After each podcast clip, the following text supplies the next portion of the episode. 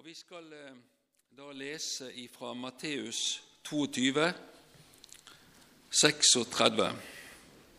Mester, hva er det største bud i loven? Jesus sa til ham, Du skal elske Herren din Gud av hele ditt hjerte og hele din sjel og av all din forstand. Dette er det første og største budet, men et annet er like stort. Du skal elske din neste som deg selv. Hele loven og profetene henger på disse to budene. Han skal vokse, og jeg skal avta. Det er utrolig mye som man kan snakke om, men jeg er opptatt av dette med selvbildet.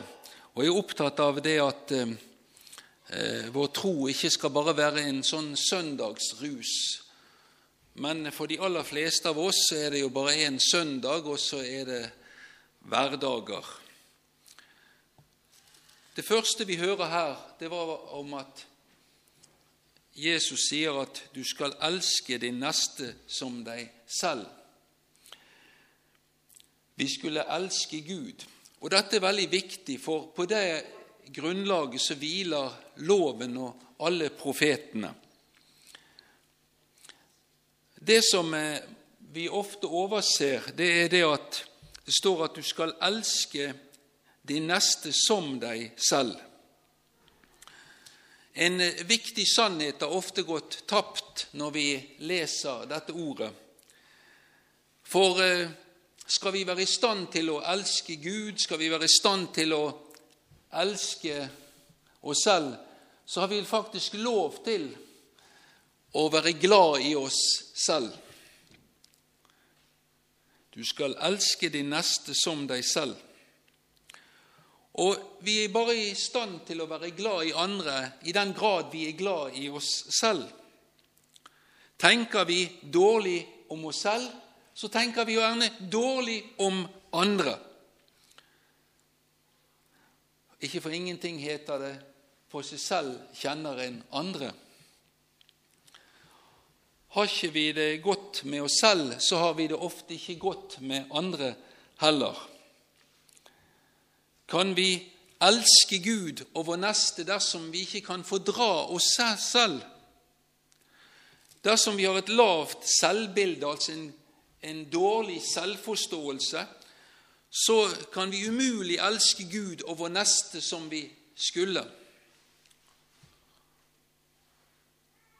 Og det er veldig viktig, skal vi komme i den planen at vi skal ha en Kristus som er stor for oss, så må vi få øynene opp for hvem vi er, hvem Herren er, og hvem vi også er. Veien til å vurdere oss rett selv, det er egentlig veldig klart skrevet i det bibelvers som jeg tror alle her kan, Johannes 3, 16.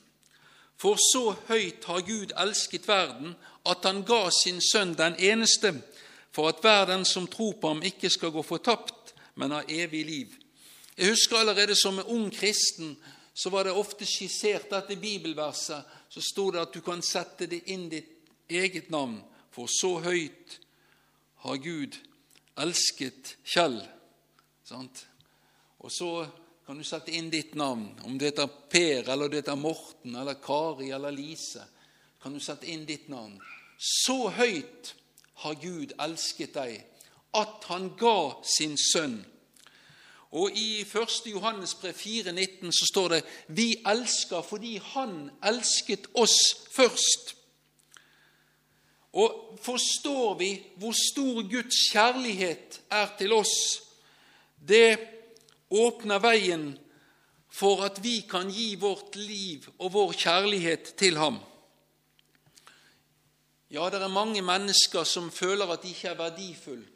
Og Jeg pleier ofte å si det. Hadde det norske folk forstått dette, at det er en Gud som elsker de så høyt, da kunne millioner spares på helse- og sosialbudsjettet. Men det er slik at det er en sykdom i verden. Bibelen kaller den synd. Den eh, skader tankelivet, vår selvforståelse, og vår oppfatning av oss selv blir til i det miljøet hvor vi ferdes.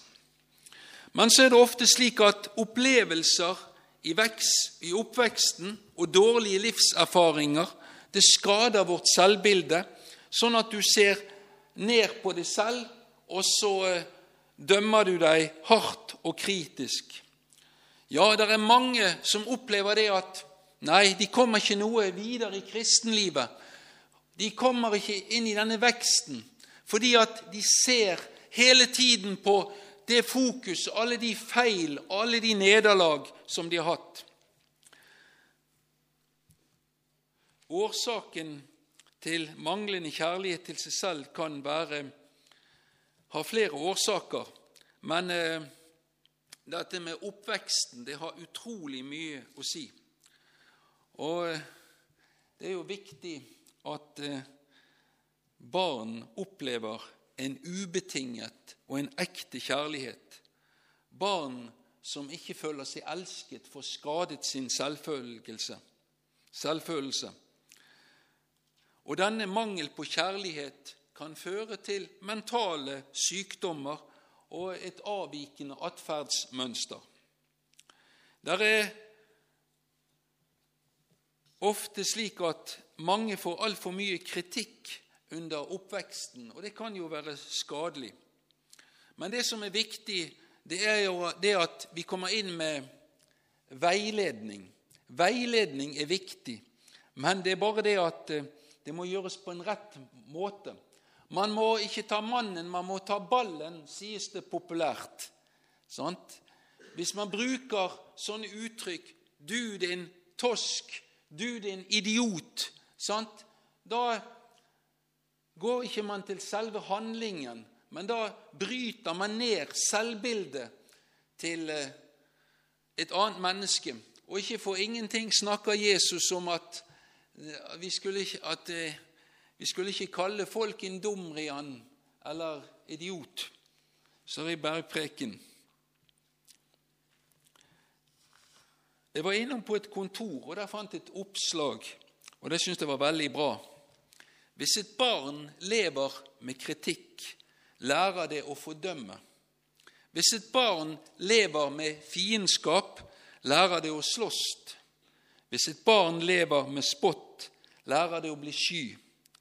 Hvis et barn lever med skam, lærer det å føle skyld. Hvis et barn lever med toleranse, lærer det å bli tålmodig. Hvis et barn lever med oppmuntring, lærer det tillit. Hvis et barn lever med lovord, lærer det å verdsette. Hvis et barn lever med ærlighet, lærer det å bli rettferdig. Hvis et barn, lærer, hvis et barn lever med trygghet, lærer det å tro. Hvis et barn lever med anerkjennelse, lærer det å like seg selv. Hvis et barn lever med bifall og vennskap, lærer det å finne kjærlighet i verden. Det er en, eh, et, dikt, nei, et stykke som er oversatt av André Bjerke. Ja, det finnes mange symptomer på manglende kjærlighet til oss selv. Eh, la oss si det at eh, en av dere hadde bursdag. Jeg kjenner jo Eivind her. Han eh, kjenner jeg. Og Han hadde i bursdag, og så kjøpte jeg en flott sånn der kong Haakon til han. Og så hadde han eh, fått den. Og så eh, sier eh, så sier han takk, dette var altfor mye. Å nei da, har de sagt, det er ingenting, dette her.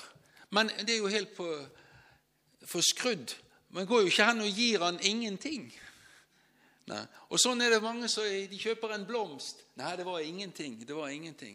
Det er utrolig for en selvvurdering. Man går jo ikke hen og, Hvis jeg skulle kjøpe en konfekteske til han Jeg går jo ikke hen og kjøper noe elendige greier. Kjøper det beste. Kjøper en kong Haakon. ja.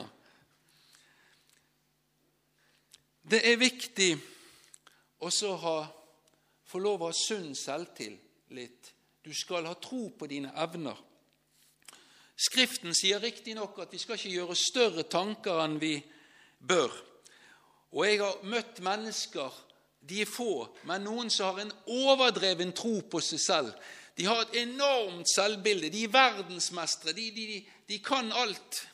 De, de, eh, kommer inn i en forsamling og alt. du skal bare høre, gjøre sånn som de sier, så vet de alt. Men som regel så, er det med de som flyr høyt. De kommer alltid ned igjen. Og sånn eh, er ikke problemet for de fleste at de flyr for høyt, men problemet for de fleste av oss det er at vi undervurderer oss selv. Vi vet hva vi ikke kan.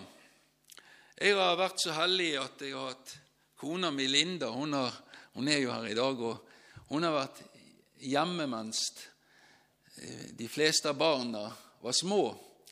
Og, men når hun begynte i arbeid, og sånn, så ble det jo liksom at jeg måtte jo ta mer et tak i mange ting. Og, og så var det jo en tradisjon i vår familie at vi spiser pizza om lørdagen. Og så sier han ja, men hva skal vi gjøre når du er på jobb? Ja, Vi kan jo bare bestille en sånn Dolly, eller vi kan bare uh, løse det med en Grandiosa. Nei, sånn sier nei, du klarer å lage det der. Ja, jo, sånn du kan lage det. Jo visst. Så da visste jeg at det går an. Og så satte jeg i gang. sant? Sånn, sånn er det. Det er viktig, det. Og en, en mann han fortalte det til meg at det var fryktelig når han vokste opp for han hadde en far han sa du, du kan ikke engang knyte en skolisse. Faren fortalte han alt han ikke kunne gjøre.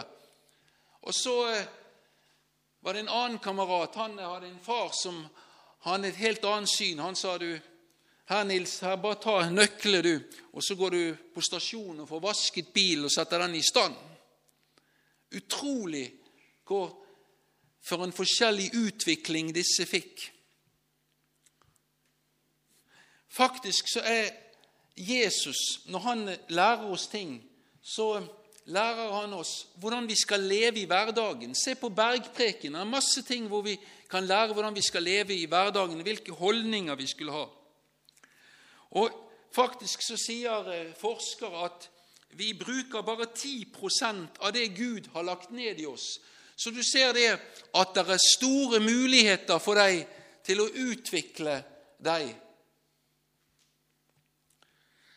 Det er dessverre så mange som føler seg mindre enn de burde gjøre. Et lavt selvbilde. Og rus for dem blir ofte et fluktmiddel. sant? Mange av de som drikker alkohol og bruker narkotika, de gjør det fordi de føler seg så lite verd. De kan ikke gå ut et sted. De må ha en sånn tår for å stramme seg opp. Og Vi finner jo også det at selvmord det er den ypperste form for selvforakt. En som tar sitt eget liv. Han har så lavt selvbilde, han føler seg uverdig til å leve. Og Hvert år så er det hundrevis ja, det sto nettopp i avisen, det er flere som tar sitt liv i dette landet enn alle trafikkulykkene. Å, tenker jeg, om det var noen som kunne formidle Guds kjærlighet og Guds omsorg, Guds nestekjærlighet til en av disse. Det står et ord i Åpenbaringen 12.10. Der, der står det om djevel. Og han omtales som vår brødres anklager. Og jeg tror det at eh, som kristne så må vi regne med at vi har en fiende, en motstander. Og han eh, kommer med anklager mot oss.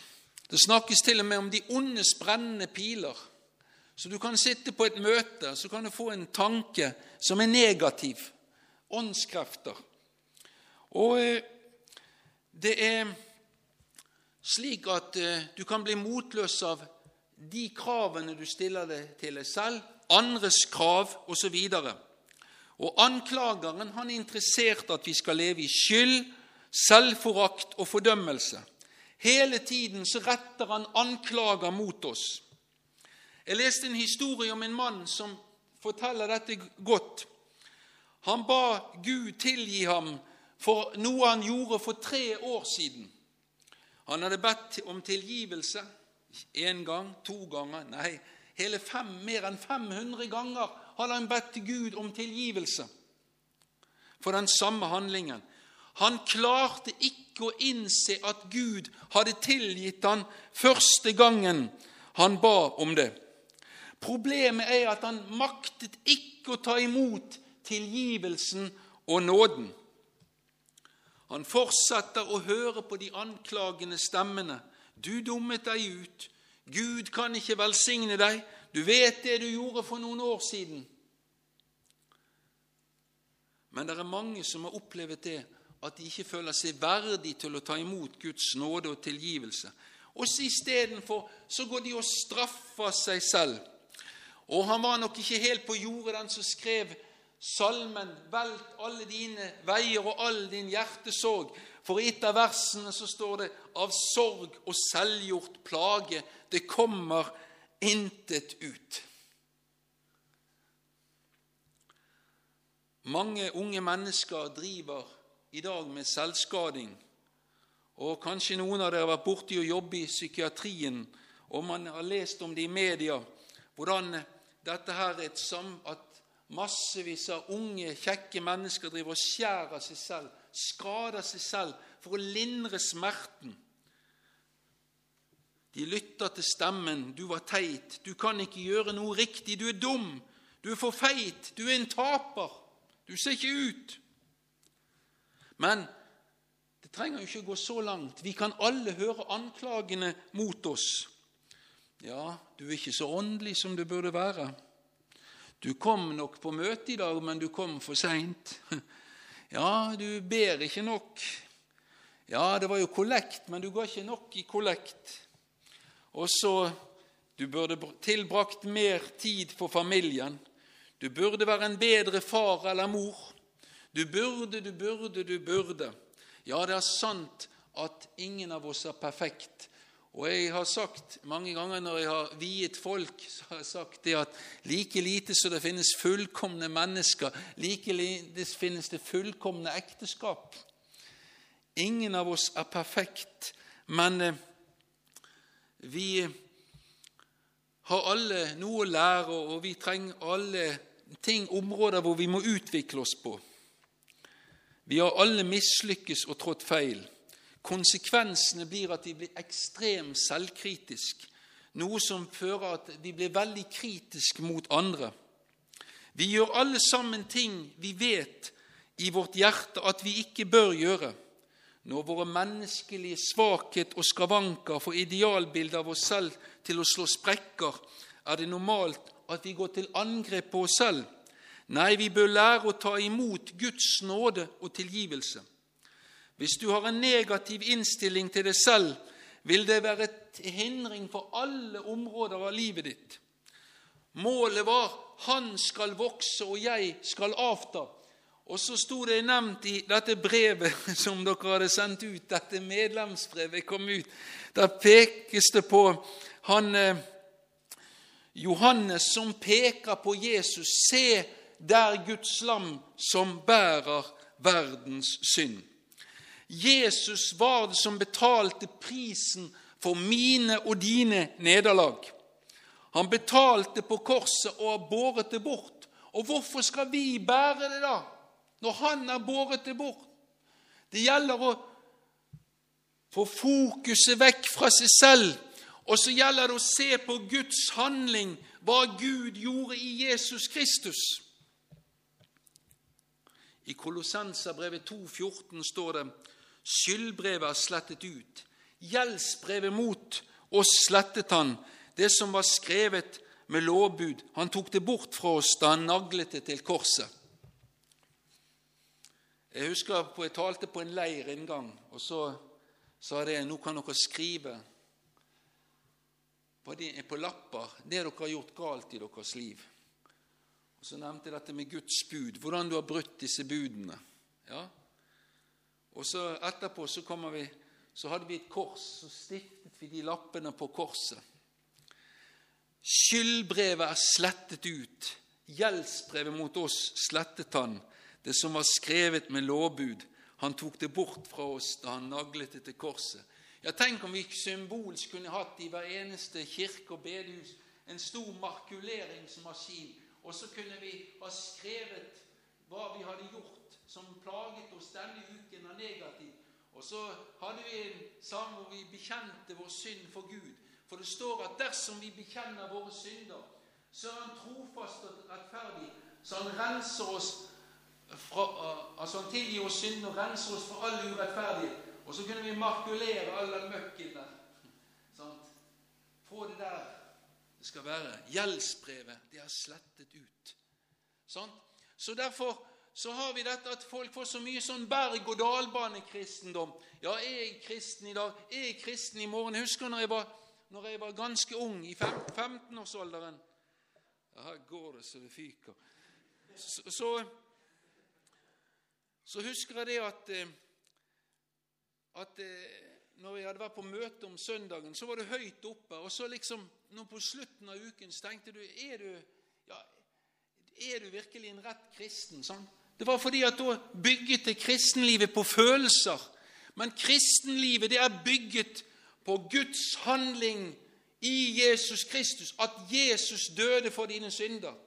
Derfor kan du ligge lenket til sykesengen. Du kan være i dyp depresjon og alt mulig Eh, negativt oppleve det.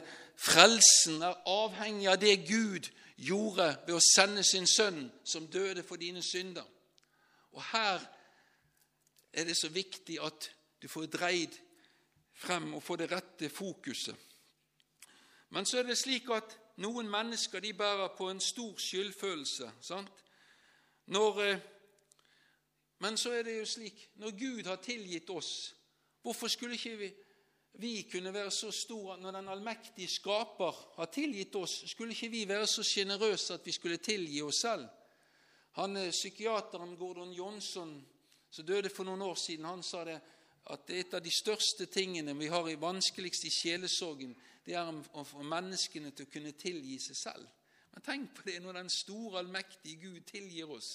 Skulle ikke vi tilgi hverandre da? Og så står det i 1. Johannes 3, 20, og det er et ord til akkurat noen som kunne slite med dette, at de ikke kan tilgi seg selv. For da står det For selv om hjertet fordømmer oss, så er Gud større enn vårt hjerte og vet alt. Mine kjære, dersom vårt hjerte ikke fordømmer oss, kan vi være frimodige for Gud. Altså, selv om vi føler fordømmelse her inne, så er Gud større, og han vet alt. Det er ikke det det kommer an på, hva du føler, men det kommer an på hva Gud har gjort gjennom Jesus Kristus. Og Derfor så må du begynne å motsi anklageren. Hva står det i Romane 8,1? Derfor er det ingen fordømmelse for den som er i Kristus Jesus. Han tok all fordømmelsen på korset. Og i Romane 5,1, da vi nå altså er rettferdiggjort ved tro, Altså ikke bare det at han er tilgitt, men han ser på det gjennom Jesus som om du aldri hadde syndet. Tenk hver dag kan du stå opp, og Hans nåde er ny hver dag. I Klagesangenes 3.22 står det:" Herrens miskunn er ikke forbi, Hans barmhjertige tar ikke slutt. Den er ny hver morgen, stor er din trofasthet. Ja, men jeg føler ikke at jeg fortjener nåde. Er det noen som gjør det, da? Det er nettopp det nåde handler om. Det er en gave. Vi er ikke verdige oss selv. Gud har gjort oss verdige, og vi lever ikke lenger under fordømmelse. Gud skapte deg og meg, og han kjenner alle sidene våre, våre pluss- og minussider, og han støtter deg. Og det, Jeg syns det er så flott med bare kunne nevne det Peter. Jeg kan jo ikke tale om han også i dag, men altså Peter han er jo et klassisk eksempel på en som var styrt etter hjerte og impulser. Sant? Og så Noen ganger så gikk de helt i knas alt sammen for ham, men Herren var der og hjalp han. Og Sånn vil han også hjelpe oss. Og så er det noe som jeg syns er veldig fint å ta med det bildet. Dere husker sikkert alle beretningen hvor påsken i Israel, hvordan de gikk. Israels barn ble frelst ut av Egypten. Og hva var frelsen den lå i?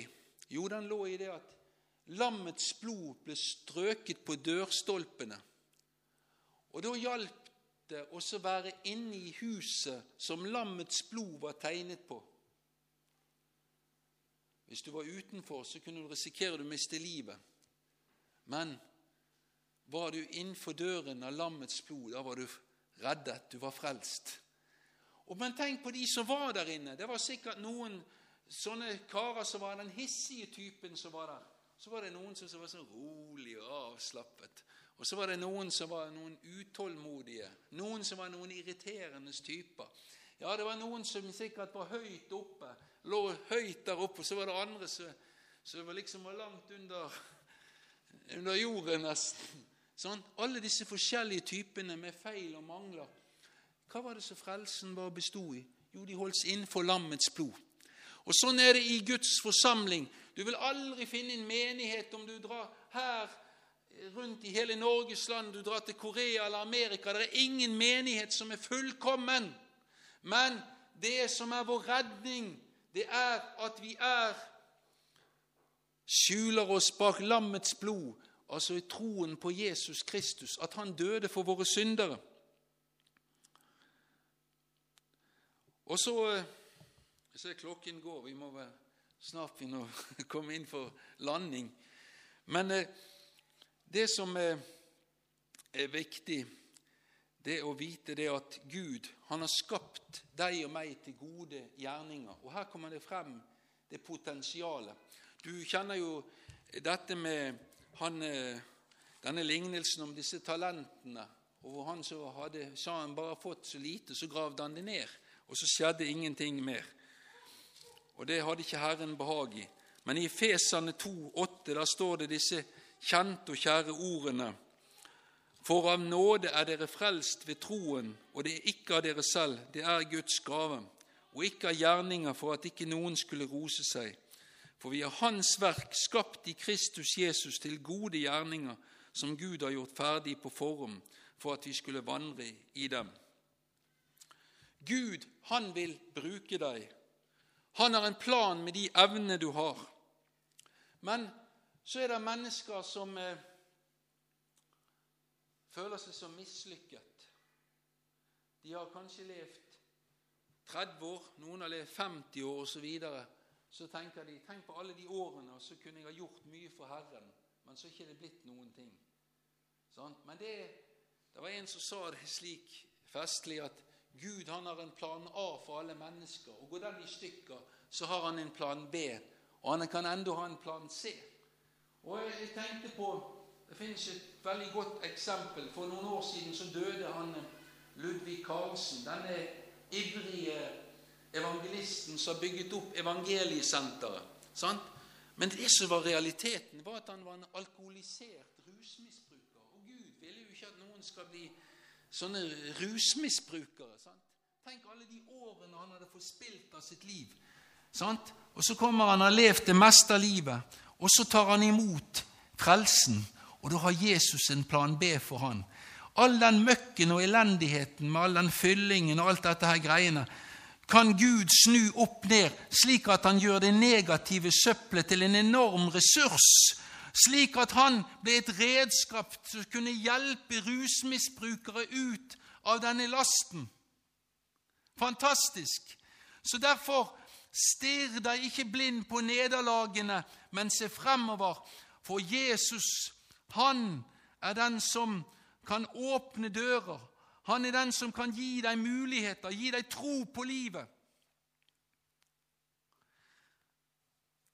Jesus sa, 'Elsk de neste som deg selv'. Forutsetningen for å elske er at man elsker seg selv. Hvis du ikke har en sunn respekt for den du er, og hvis du ikke kan akseptere deg selv med alle dine mangler, vil du aldri bli i stand til å elske andre.